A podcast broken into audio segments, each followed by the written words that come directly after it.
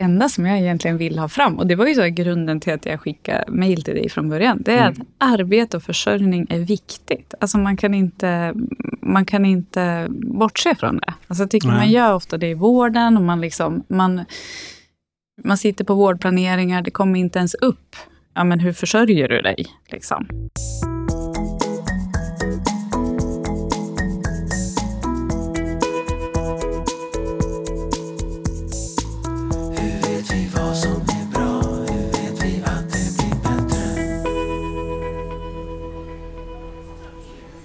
Kafferast i Kunskapsfabriken.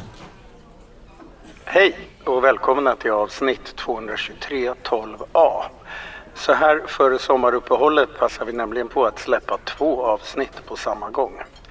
Bägge handlar om socialtjänsten i Timrå och deras arbete med att utveckla verksamheterna för försörjningsstöd, stöd till försörjning och socialpsykiatri. I det här avsnittet får ni träffa Helene Hallberg Toivonen och Karin Sandström på enheten för hållbar försörjning som för ett par år sedan initierade ett långsiktigt förbättringsarbete tillsammans med sin personal och sina brukare. I det andra avsnittet, nummer 2023 12b, får ni träffa Jonny Olofsson som var en av de brukare som bjöds in i utvecklingsarbetet och som senare också kom att leda en av de verksamheter som kommunen driver och där personer som behöver hjälp till egen försörjning kan praktisera och få stöd i sin återhämtning. Men först alltså. Jag heter Helene Hallberg Toivonen. Och så har vi Karin Sandström. Ja, precis. Och det var ju så här att du Karin skrev till mig. Och ja, vad var det du skrev? Jag tror från början så skrev jag att jag önskade ett avsnitt, för att jag, är poddlyssnare. Och då önskade ju jag ett avsnitt om ekonomi och försörjningsfrågor, för jag tyckte att det hade, hade inte tagits upp så mycket. Eh, och då så fick jag dig på kroken där och så kunde jag liksom berätta, passa på att berätta också att vi hade jobbat just med brukarinflytande i samband med eh, att vi tog fram en ny process för hur vi ska jobba med försörjningsfrågor. Just det. Mm.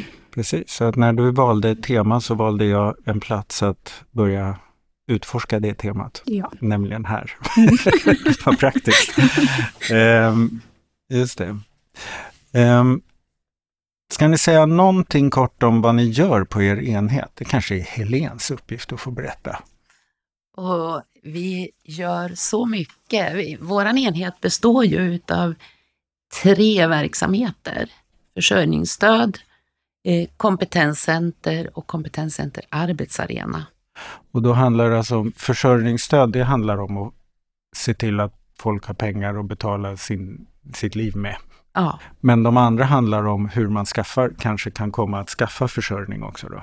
Ja, men det som är, är speciellt med vår enhet är väl kanske att vi alla tre verksamheter jobbar med just den biten.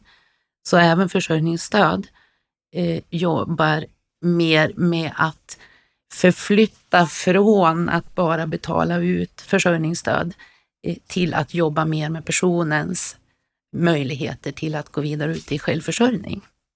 Intressant. Ja, just det. Um,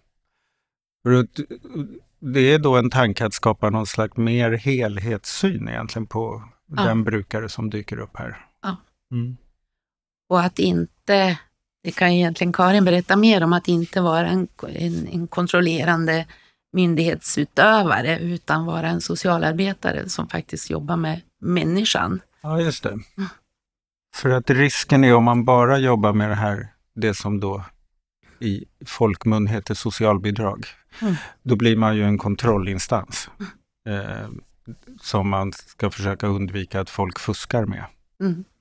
Men Karin, när du skrev till mig så var det också att ni hade konstaterat att en väldigt stor andel av de som ni hjälpte här på enheten hade psykisk ohälsa. Mm, det är en jättestor andel. Vi har ju de senaste åren gjort målgruppsanalyser. Först gjorde vi två gånger per år, sen har vi gjort en gång per år.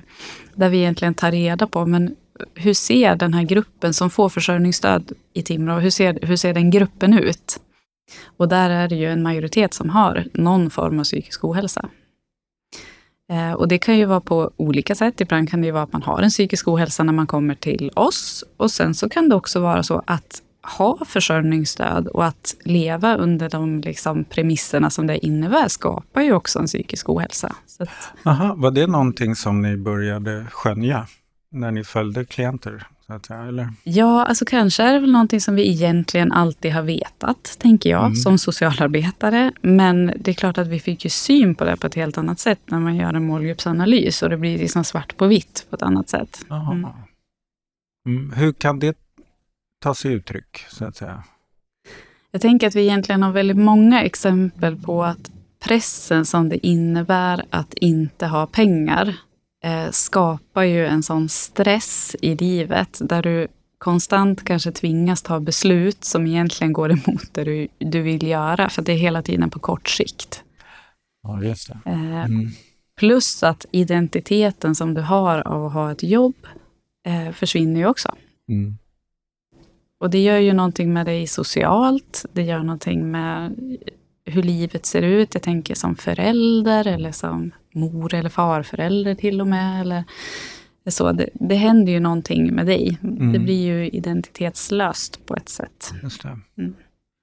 Var det där något man brukade adressera, som det heter nu för tiden, i mötet med brukarna?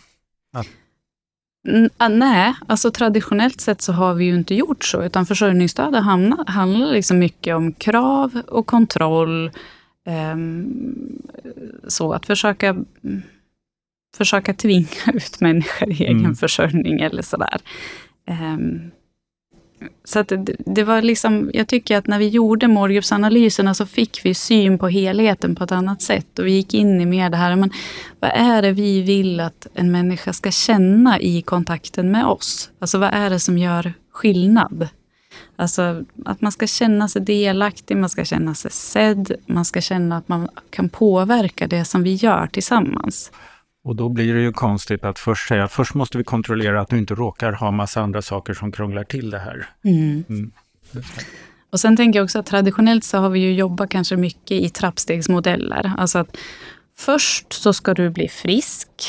Sen så kan du få hjälp att komma ut på arbetsmarknaden. Ja, just det. Men först när du har blivit frisk måste du sen bevisa i ett antal månader att vi kan lita på dig. Ja, absolut. Eh, precis. Eller att, att du behöver bli nykter och drogfri för Mm. att du ska få hjälp att vara nykter och drogfri.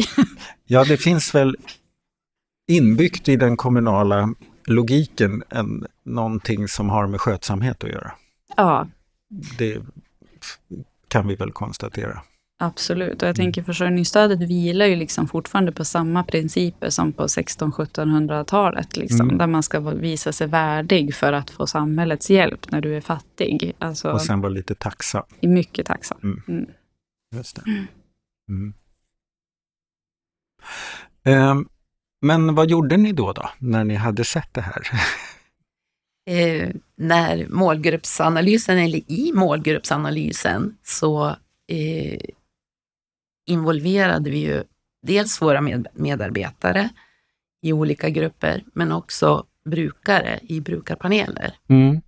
Just för att få eh, ta reda på och ställa frågan, eh, vad är det egentligen som behövs och vilken känsla är det som man, vill, som man behöver för att, som du sa tidigare, den här tilltron, man ska känna att man, man är trodd på. Mm. Eh, så vi, vi eh, jobbade med panelen och det är också den panelens eh, beskrivning av hur man vill uppleva de olika mötena Aha. i kommunen som sen har styrt vårt processarbete. Intressant. Och var det brukare ni hittade i era egna verksamheter helt enkelt? Eller? Ja. ja. Som eh, brukare som hade erfarenhet av försörjningsstöd, psykisk ohälsa, språksvårigheter. Vi försökte Mm. att blanda och, och Mm. bjuda in så för att få reda på så mycket som möjligt. Eh, Vad, vad lärde ni er av dem då? Vi lärde oss en hel massa. Var det något som var lite pinsamt att ni behövde lära er av dem? Nej, inte pinsamt, men, men eh, de satte ju fingret på, på mycket av det som Karin beskrev här alldeles Mm. nyss. Just den här kontrolldelarna och, och att eh, inte vara trodd på. Eh, Mm. många beskrev den här känslan av hopplöshet. Mm. Att eh, man, man liksom trampade på i det här. Och, ja. Just det. Jag tänker en väldigt sån här konkret sak som kom fram var ju till exempel att vi hade själva liksom bekymmer med att vi tyckte att det var så många personer inblandade hela tiden. Att man, man fick träffa Ja. så Ja. mycket folk. Mm. Liksom. Mm. Eh, och där brukar panelen vara så här, ja fast det behöver Det var inte inte vara det. ett problem. Nej. Nej, det var inte det som var problemet, att det var många personer inblandade. Problemet var att, det inte fanns någon som samordnade. Nej, just det. Jag fick springa till många luckor men det, jag fick ingen känsla av att de där jobbade på samma ställe. Nej, nej. ja. Alla, alla jobbade utifrån, utifrån sina verksamheter och, Mm. och uppdrag. I, i, så det är väl också en, en sak som eh, är inbyggd i processen idag, att vi, har, vi jobbar med samordnare som, som eh, ser de här parallella insatserna som pågår. Och då jobbar den samordnaren med brukaren tydligare också. Mm. Mm. Just det. Och man behöver inte, det är väl också någonting som eh, flera saker som nämndes här, så, så har man eh, genomgått en behandling eller man har ett, varit i ett missbruk så behöver man inte bevisa att man är nykter utan Mm. man är välkommen till våran arena i, i en ins, som en insats och det eh, är man välkommen till dag för dag. Mm. Just det. För det är också så som man, det är bara så som man kan bygga upp sig Mm. kanske. Mm. Att liksom erövra en dag i taget. Och vi tror på dig imorgon. Just Mm. idag gick det inte lika bra, men Mm. imorgon tror vi på dig igen. Det finns mycket regler. Och de har ni ju inte kunnat göra om. Utan hur, hur, hur gör man då för att göra det här systemet smidigare men ändå regelrätt? Ja, alltså jag tänker så här att socialtjänstlagen är en ramlag. Det finns möjligheter att eh, liksom jobba inom den ramlagen. Jag tänker också att det inte behöver vara en motsättning, liksom att följa reglerna och att ändå kunna göra bra grejer. Aha. Är det mer alltså en gammal vana som gör det där? Så tänker jag väl lite grann, Mm. att vi är vana att jobba på ett visst sätt. Eh, Alltså man kan säga traditionellt sett har vi också varit väldigt duktiga på att uppfostra goda klienter. Alltså vi har varit Mm. duktiga på att eh, se till att man fyller i saker rätt, att man liksom lämnar underlag så som man ska. Och, och, och när vi liksom vände på den principen så hände ju någonting. Men det, är ju inte, det handlar ju inte om att reglerna ser annorlunda ut eller att vi böjer Nej, på dem. Det handlar mer om vårt förhållningssätt till reglerna. Så, Det låter ju lite som att ert förhållningssätt har varit att vi ska få klienterna att göra vårt, vårt jobb lätt. mm, precis. Det är ju inte riktigt det som är ert uppdrag enligt socialtjänstlagen. Nej, exakt. Utan det är att frigöra enskildas och gruppers, vad är det det står? Samhällets socialtjänst ska på demokratins och solidaritetens grund främja människornas ekonomiska och sociala trygghet, jämlikhet i levnadsvillkor och aktiva deltagande i samhällslivet. Socialtjänsten ska under hänsynstagande till människans ansvar för sin och andras sociala situation inriktas på att frigöra och utveckla enskildas och gruppers egna resurser. Verksamheten ska bygga på respekt för människornas självbestämmande rätt och integritet. Alltså portalparagrafen i socialtjänstlagen är ju liksom jättefin.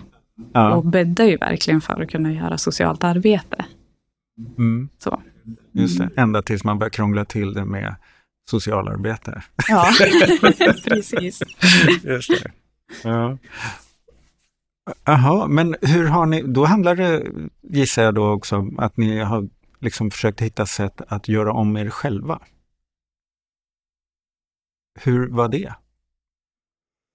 Det har varit ett, eh, en lång process. vi har jobbat under flera år eh, med oss själva och medarbetare i grupper, olika grupper. Vi har också jobbat för, att, för ett IFO, Mhm. Mm. vilket var ett sätt för oss att eh, plocka ner de stuprör nu som, som vi har jobbat i. Och IFO det är alltså individ och familjeomsorg. Ja, Och det inrymmer alla de här olika sakerna. Ja. Är det något i ja, äldreomsorgen är förstås något annat. den är för sig. Mm. Ja. Just det. Mm. Men i IFO så ingår alla de här sakerna vi har pratat om. Just det. Barn och familj, vuxen, socialpsykiatri, Missbruk, för missbruk, försörjningsstöd. Mm. just det. Mm. Så att, Allt som vi brukar säga socialen om. Mm. Mm. Mm, mm.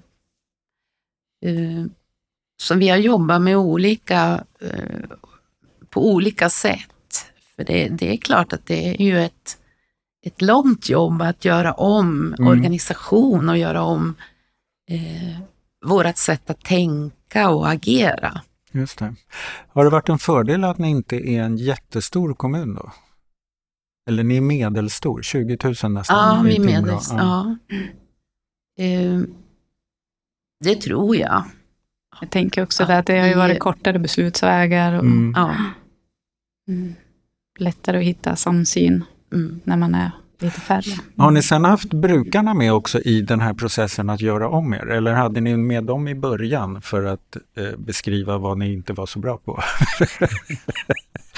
Ja, men de, de la ju som sagt grunden, för de fick ju beskriva vad, vad, vad de hade för behov utifrån sina tidigare erfarenheter. Eh, men de fick ju också beskriva vad de ville känna i varje möte i den här processen.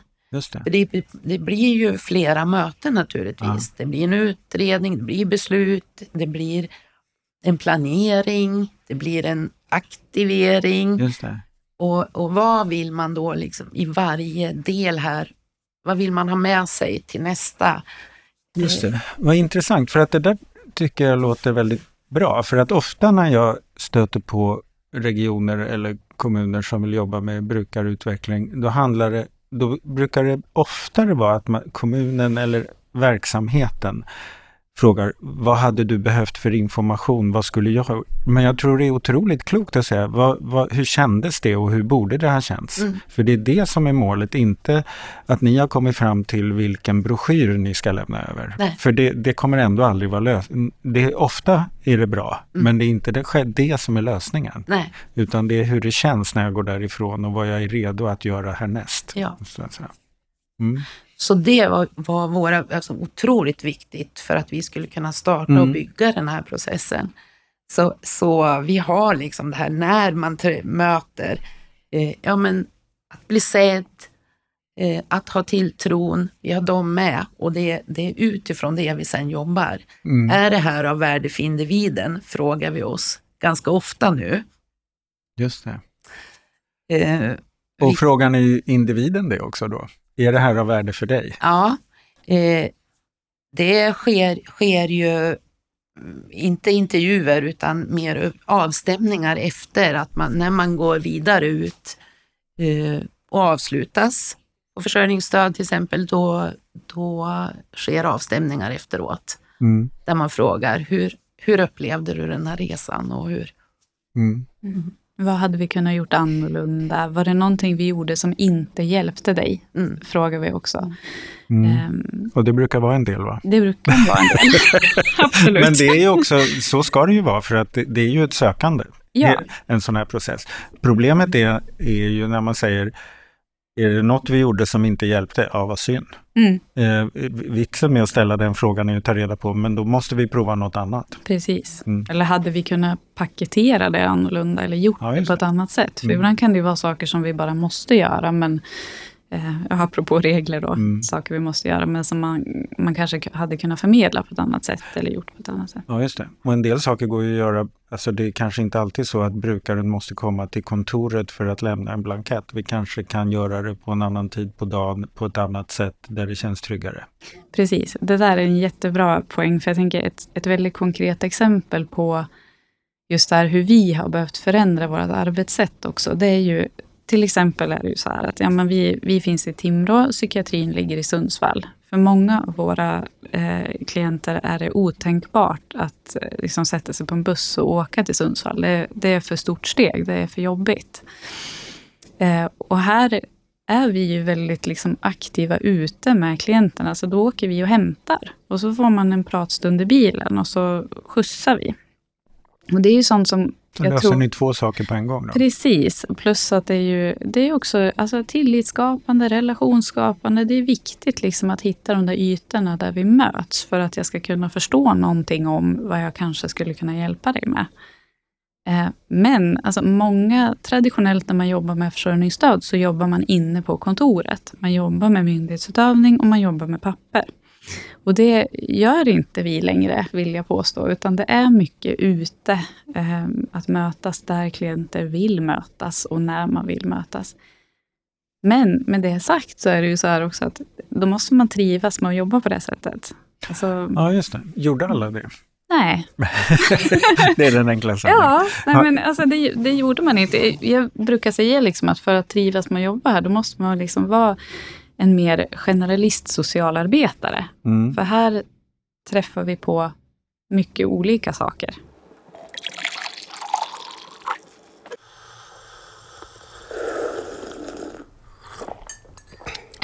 Kafferast i Kunskapsfabriken. Eh, men en annan sak jag tänkte på var, det som låg till grund till det här var att ni hade gjort en sån här målgruppsinventering. Då kan jag tänka mig att ni till att börja med satt en del på ert kontor och gjorde inventeringen. Mm. Men det ni gör idag är ju en målgruppsinventering varje dag. Mm. Så att det är förhållandevis ganska lätt att säga att ni har ganska bra koll på målgruppen. Eller? Ja, det skulle jag säga. Jag tänker också att skillnaden nu jämfört med kanske innan den här resan är ju också att vi har en otroligt liksom, otrolig koll på varje individ. Mm. Alltså att vi jobbar väldigt aktivt med varje individ. Det gjorde vi kanske inte tidigare, utan det var så här, men nu är den sjukskriven tre månader här, då lägger jag den i byrålådan och så jobbar jag på med någonting annat. Nu jobbar vi ju med allas process hela tiden. Och det innebär ju också såklart att, att vi behöver prioritera ibland. Så är det ju. Mm. Alla, mm. alla, vi kan inte jobba lika mycket med alla hela tiden. Men alla är aktiva på ett helt annat sätt än vad jag någonsin har upplevt när jag har jobbat med försörjningsstöd tidigare. Mm, så, mm. På andra ställen. Och. Men är det en omfördelningsfråga i, prioriter eller i, i arbetsinsats? Eller är det väldigt mycket mer arbete än förut? Alltså min upplevelse är ju också att eh, ju mer man arbetar med varje individ, desto mindre arbetskrävande blir det. det var nog eh, dit jag ville komma. Ja. Jo, men det, det, är väl liksom precis min mm. erfarenhet. Att, att både själva liksom hand, den rena handläggningen av försörjningsstödet går så mycket lättare när vi känner våra klienter. Mm. Därför att det är ingen tvekan hos mig. Jag vet exakt vad som har hänt den här månaden. Jag vet exakt hur förutsättningarna ser ut. Jag har en helt annan koll på hur helhetssituationen ser ut. Det blir mycket lättare att göra bedömningar som jag måste göra i myndighetsutövningen. Så det går fortare och lättare. Eh, och så mm. blir vi också successivt, tänker jag, vassare och vassare på att hitta bra planeringar som faktiskt leder ut i självförsörjning mycket snabbare än vad det har gjort förut. Ah, ja. Och det kan ni se siffror på?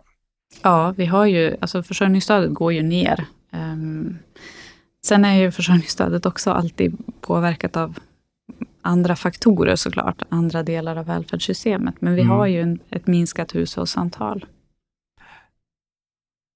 Kan ni se någon skillnad i det här med det som ni tidigare då såg, att personer faktiskt började må sämre efter att de hamnade i, i försörjningsstöd? Är det skillnad idag? Är, det, är själva processen inte lika eh, ohälsofrämjande, så att säga? Alltså min, min förhoppning är ju det. Eh, jag tänker en sån del i det är att man snabbare idag kommer ju i ett annat sammanhang. Alltså både, det kan vara via arenan eller på en extern arbetsplats. Eller, alltså att vi, vi är ju snabbare på att fånga bollen. Mm.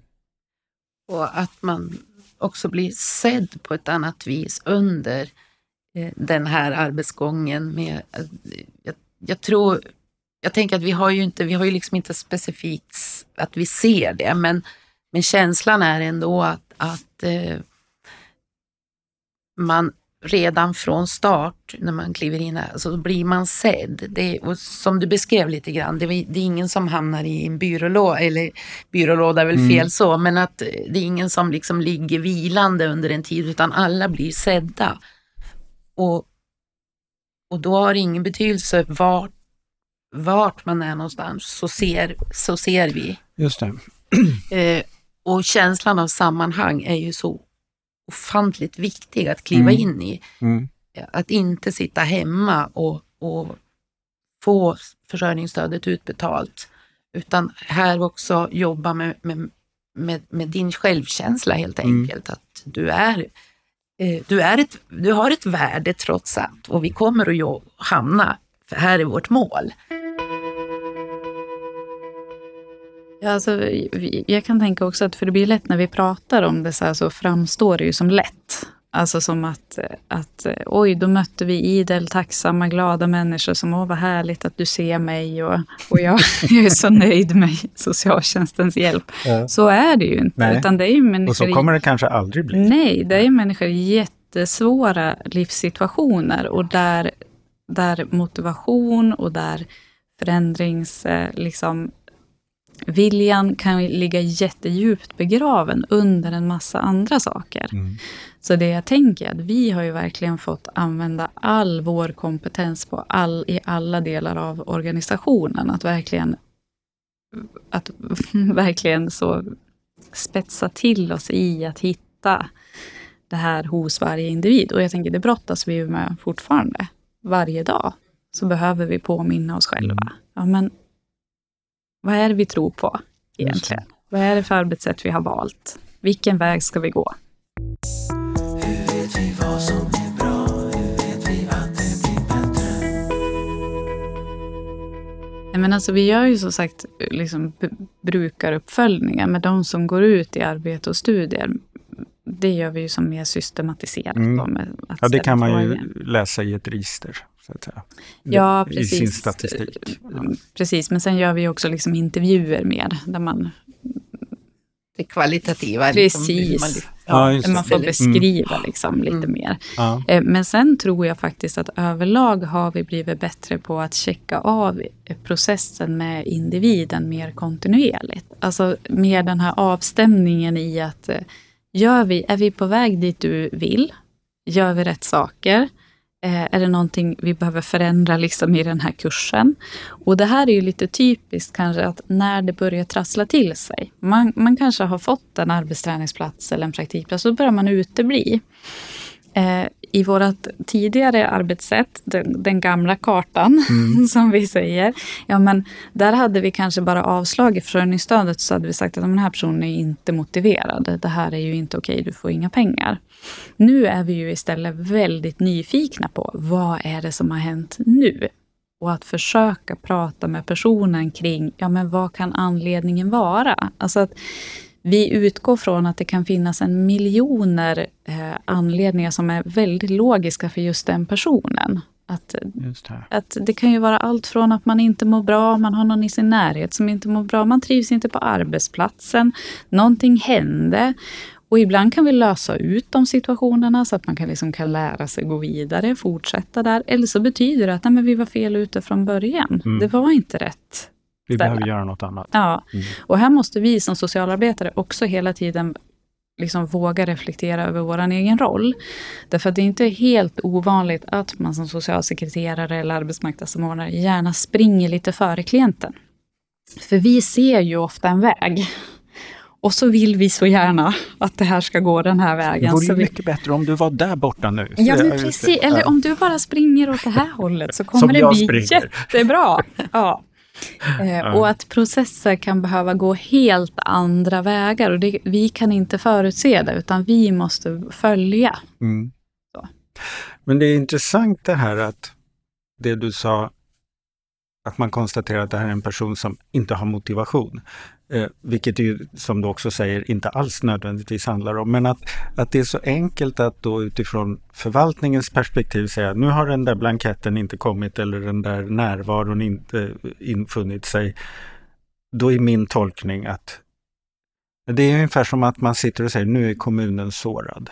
Ja, precis. Aj, aj, aj. Ja, eh, fast det, det, är också, också väldigt märkligt att vi har så mycket strukturer som göder den typen av slutsatser. Mm. Ja. Men att det också, som det låter på för er, då, det är inte omöjligt att ändra det. Nej, och sen så tror jag att det kan också finnas en föreställning tror jag ibland, kanske från andra kommuner som hör om vårt arbete och sådär. Att, att ja, men hos er är det bara, där får man vad som helst, eh, när som helst. Men vi har ju också, vi har liksom samma siffror på hur många avslag vi gör till exempel mm. och sådär som andra kommuner. Men jag tror att skillnaden är, vad gör man med avslaget? Det är ofta där det händer någonting, mm. för det är ofta där vi har krock lyckat, mm. tänker jag. Det är, ju, det är ju ingenting som någon av oss strävar efter, att det ska bli ett avslag, att man kanske inte har gjort vad man har kunnat. Men det är ju där vi ofta får syn på att okej, okay, vi kanske tog fel väg. Har vi, är vi inne på fel kurs? Är det överkrav? Eller är det för lite krav? Mm. Ibland kan det vara så mm. också, att vi har underskattat någons mm. förmåga och då blir det inte meningsfullt. Alltså det finns så många olika... Är det normalt att man har en uppföljning av ett avslag så? Jag vet inte riktigt hur man... Jag skulle nog inte säga att det är så vanligt att man kanske tar reda på, försöker ta reda på vad hur, det, det gick. hur det gick eller vad, vad vi ska göra av det. Mm. Alltså att man är öppen för att ja, du fick ett avslag men vi behöver fortsätta jobba med varandra. I utvecklingskikaren nu då? Vad, har ni ringat in någonting som ni ska gå vidare med nu eller som ni börjar få kon på? Ja, alltså ringat in. Det vi har det vi har bestämt oss för, eller som är så viktigt också i det här, det är att hålla i och hålla ut. Mm. Eh, att, att, eh, att bygga in det här sättet att jobba är ju inte någonting som man kan säga, nu har vi ett slutdatum och sen är vi klar med, med vår implementering av det här, för den här förändringen. Utan här gäller det ju först och främst bara att fortsätta jobba att ständigt påminna oss om vem vi är till för. Eh, vi, har, vi, har, vi, vi, kartlägger fortsättningsvis, men vi jobbar med upplevelsebaserad kartläggning. Både ja, mm. med när det mm. gäller individen organisationen. Mm. Så att vi hela tiden har ögon och öron och, och, och upp, för att upptäcka. Mm. Um, det, det, där är ju en utmaning då om man tänker sig att det är andra saker vi behöver ha koll på för att följa upp. Eh, då ställer det ju lite krav på hur kan vi aggregera det? Så att vi, man kan hitta ett index på i vilken mån brukarna hos oss känner sig sedda. Har ni funderat på det någonting? För jag förstår ju att det är svårt. I alla fall svårt med tanke på allt annat man måste dokumentera och göra i sin mm. mm. förvaltning. Och det kräver ju också att man hittar ett system att lyssna på brukarna systematiskt på något sätt. Jag tänker att det är ju ett område som vi egentligen skulle vilja jobba ännu mer med. Alltså... Det är ju vår, mm. egentligen det området som vi behöver bygga ja. ut. Alltså det, det, ja, om vi kallar det den kvalitetssäkring mm. som som behövs för att det här ska... Um, för att ni har ju flyttat fram positionerna när det gäller att formulera vad som är kvaliteter. Mm, mm. Och då blir det också något annat man måste kvalitetssäkra än, än det där som man kan göra på kontoret. Mm, liksom. Vi, vi, har ju tittat på, på lite verktyg kring just den kvalitetssäkringen, den kvalitativa mm. kvalitetssäkringen. Eh, och som vi skulle kunna använda gentemot brukarna. Vi har ju som LOPMI och mm. Eh, mm. som är reflektionsbeskrivande eh, liksom, ja. utifrån reflektion. Mm. Så Ja, det, det, är ju sin linda, men det finns ju mycket att, mm. att ta tag i. Ja. Och som känns väldigt stimulerande och roligt. Liksom. Ja, just det. Men jag Mm. tänker också att för att sen få det att funka så behöver ni också checka av med era egna klienter att är det det här som är kvaliteterna? Mm. Är det de här kvaliteterna Mm. som är viktigt att vi Mm. mäter och har koll på? Ja, Mm. så är det absolut. Och det ska man ju då kunna göra samtidigt som varje brukares process ser lite olika ut. Mm. Exakt, exakt. Ja, nej men jag tror att eh, om man vill ha något roligt att utveckla de närmaste åren så är det väl de här sakerna, tänker jag. Just inom försörjningsstöd har det ju inte funnits liksom någon tradition av att involvera brukare alls, utan det har ju varit liksom en, en strikt myndighetsutövning. Så varför ska man efterfråga brukarnas perspektiv? Vi vet ju vad som gäller. Ja, Mm. exakt. Vi vet vilka regler som gäller. Och jag tänker att i början av den här resan, ja, men 2017-2018, då är det klart att det fanns liksom rädslor hos oss. Så, där. så man måste vara lite modig i att våga fråga för att man måste stå där och våga ta emot svaret. Jag minns att det första liksom vi gjorde för att involvera brukare, det var att fråga brukare om de ville att vi skulle ha telefontider eller inte. Och jag minns att liksom det, var så, det hade vi liksom en diskussion om så på arbetsplatsen. Hur ska, ska vi verkligen våga fråga? Liksom, tänk om de säger att det ena eller det andra, hur blir det då? Liksom. Och där tänker jag att hela den här resan har lärt oss att vara så mycket modigare i att våga efterfråga och att våga liksom vända perspektivet mot att ja, men vad kan vi göra annorlunda? Mm. Jag upplever också att det är lätt att man hamnar i frustration kring liksom olika målgrupper. Ja, men vad ska vi göra? Hur ska vi hjälpa de här? Alltså, när svaret ofta finns där på något vis, bara vi frågar. Vad är det som kan göra att man är så orolig för att fråga? Då? Alltså du var inne på det här att eh, tänk om de tycker olika eller alltså, men är det någonting Är det jobbigt och tvivlar man på att de kan komma med något eller vad är det? Så ibland tror jag att det är en känsla av otillräcklighet också, att man är rädd för att inte kunna möta upp det som kanske efterfrågas. Mm. Eller sådär. Att, att ja, men då, då liksom räcker vi inte till. Eller då, Och det så här gör kan man dem besvikna. Ja, Mm. Precis. Att då har vi efterfrågat någonting som vi sen inte kan leverera. Liksom, eller sådär. Mm.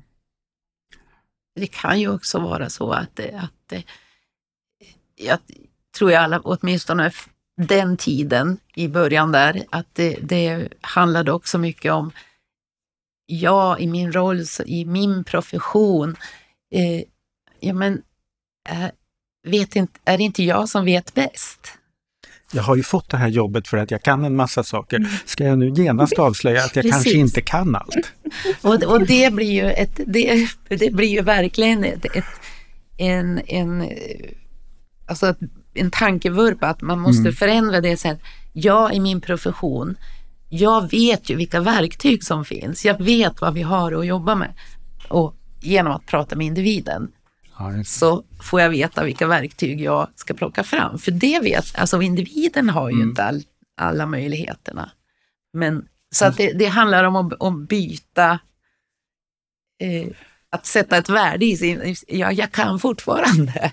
Ja, alltså egentligen tänker jag också att det för det som händer i nästa steg, är när du har efterfrågat brukarens tankar om, om saker och ting, är ju att du också f- får mycket bättre koll på vad det du gör leder till. Mm.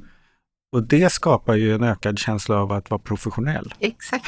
och vara skicklig på det man Ja, gör. ja. Så att det som är en rädsla initialt är ju också då ett hinder för att faktiskt få en större arbetstillfredsställelse. Mm. Så att ni, ni gör det knepigt för er med de Ja. där invanda föreställningarna. Absolut, så är det ju verkligen. Och när vi börjar jobba tillitsbaserat, eh, alltså att sluta ta in kvitton och granska dem och kontoutdrag och sådär, utan börja med den här liksom stickprovsmodellen istället. Alltså det var ju stackars socialsekreterare som satt och djupandades på sina kontor och bara hur Nu kommer jag allt rasa samman. Ja, men precis. Hur ska det här bli liksom? Och ska jag våga trycka på knappen fast jag inte har sett ett kvitto? Och hur Mm. blir det här liksom? Eh, Och då tänker jag att då är det ju verkligen viktigt att hela organisationen är med. Att, man, att vi också känner tillit till varandra. Och, för där får det ju inte heller finnas några tveksamheter. För då, då kan ju det bli väldigt skakigt. Ehm, så det är ju också någonting som har fått behövt växa fram under tiden. Mm. Och vrida och vändas på. Mm. Absolut. Stort tack för att eh, jag fick komma hit och prata med er. Och vad bra att du hörde av dig Karin. Ja, Ja. tack själv. Tack för att vi fick komma. Ja. Den här podden görs av NSPH, Nationell samverkan för psykisk hälsa. Läs mer på vår hemsida www.nsph.se eller följ oss på Facebook. Kafferast i Kunskapsfabriken.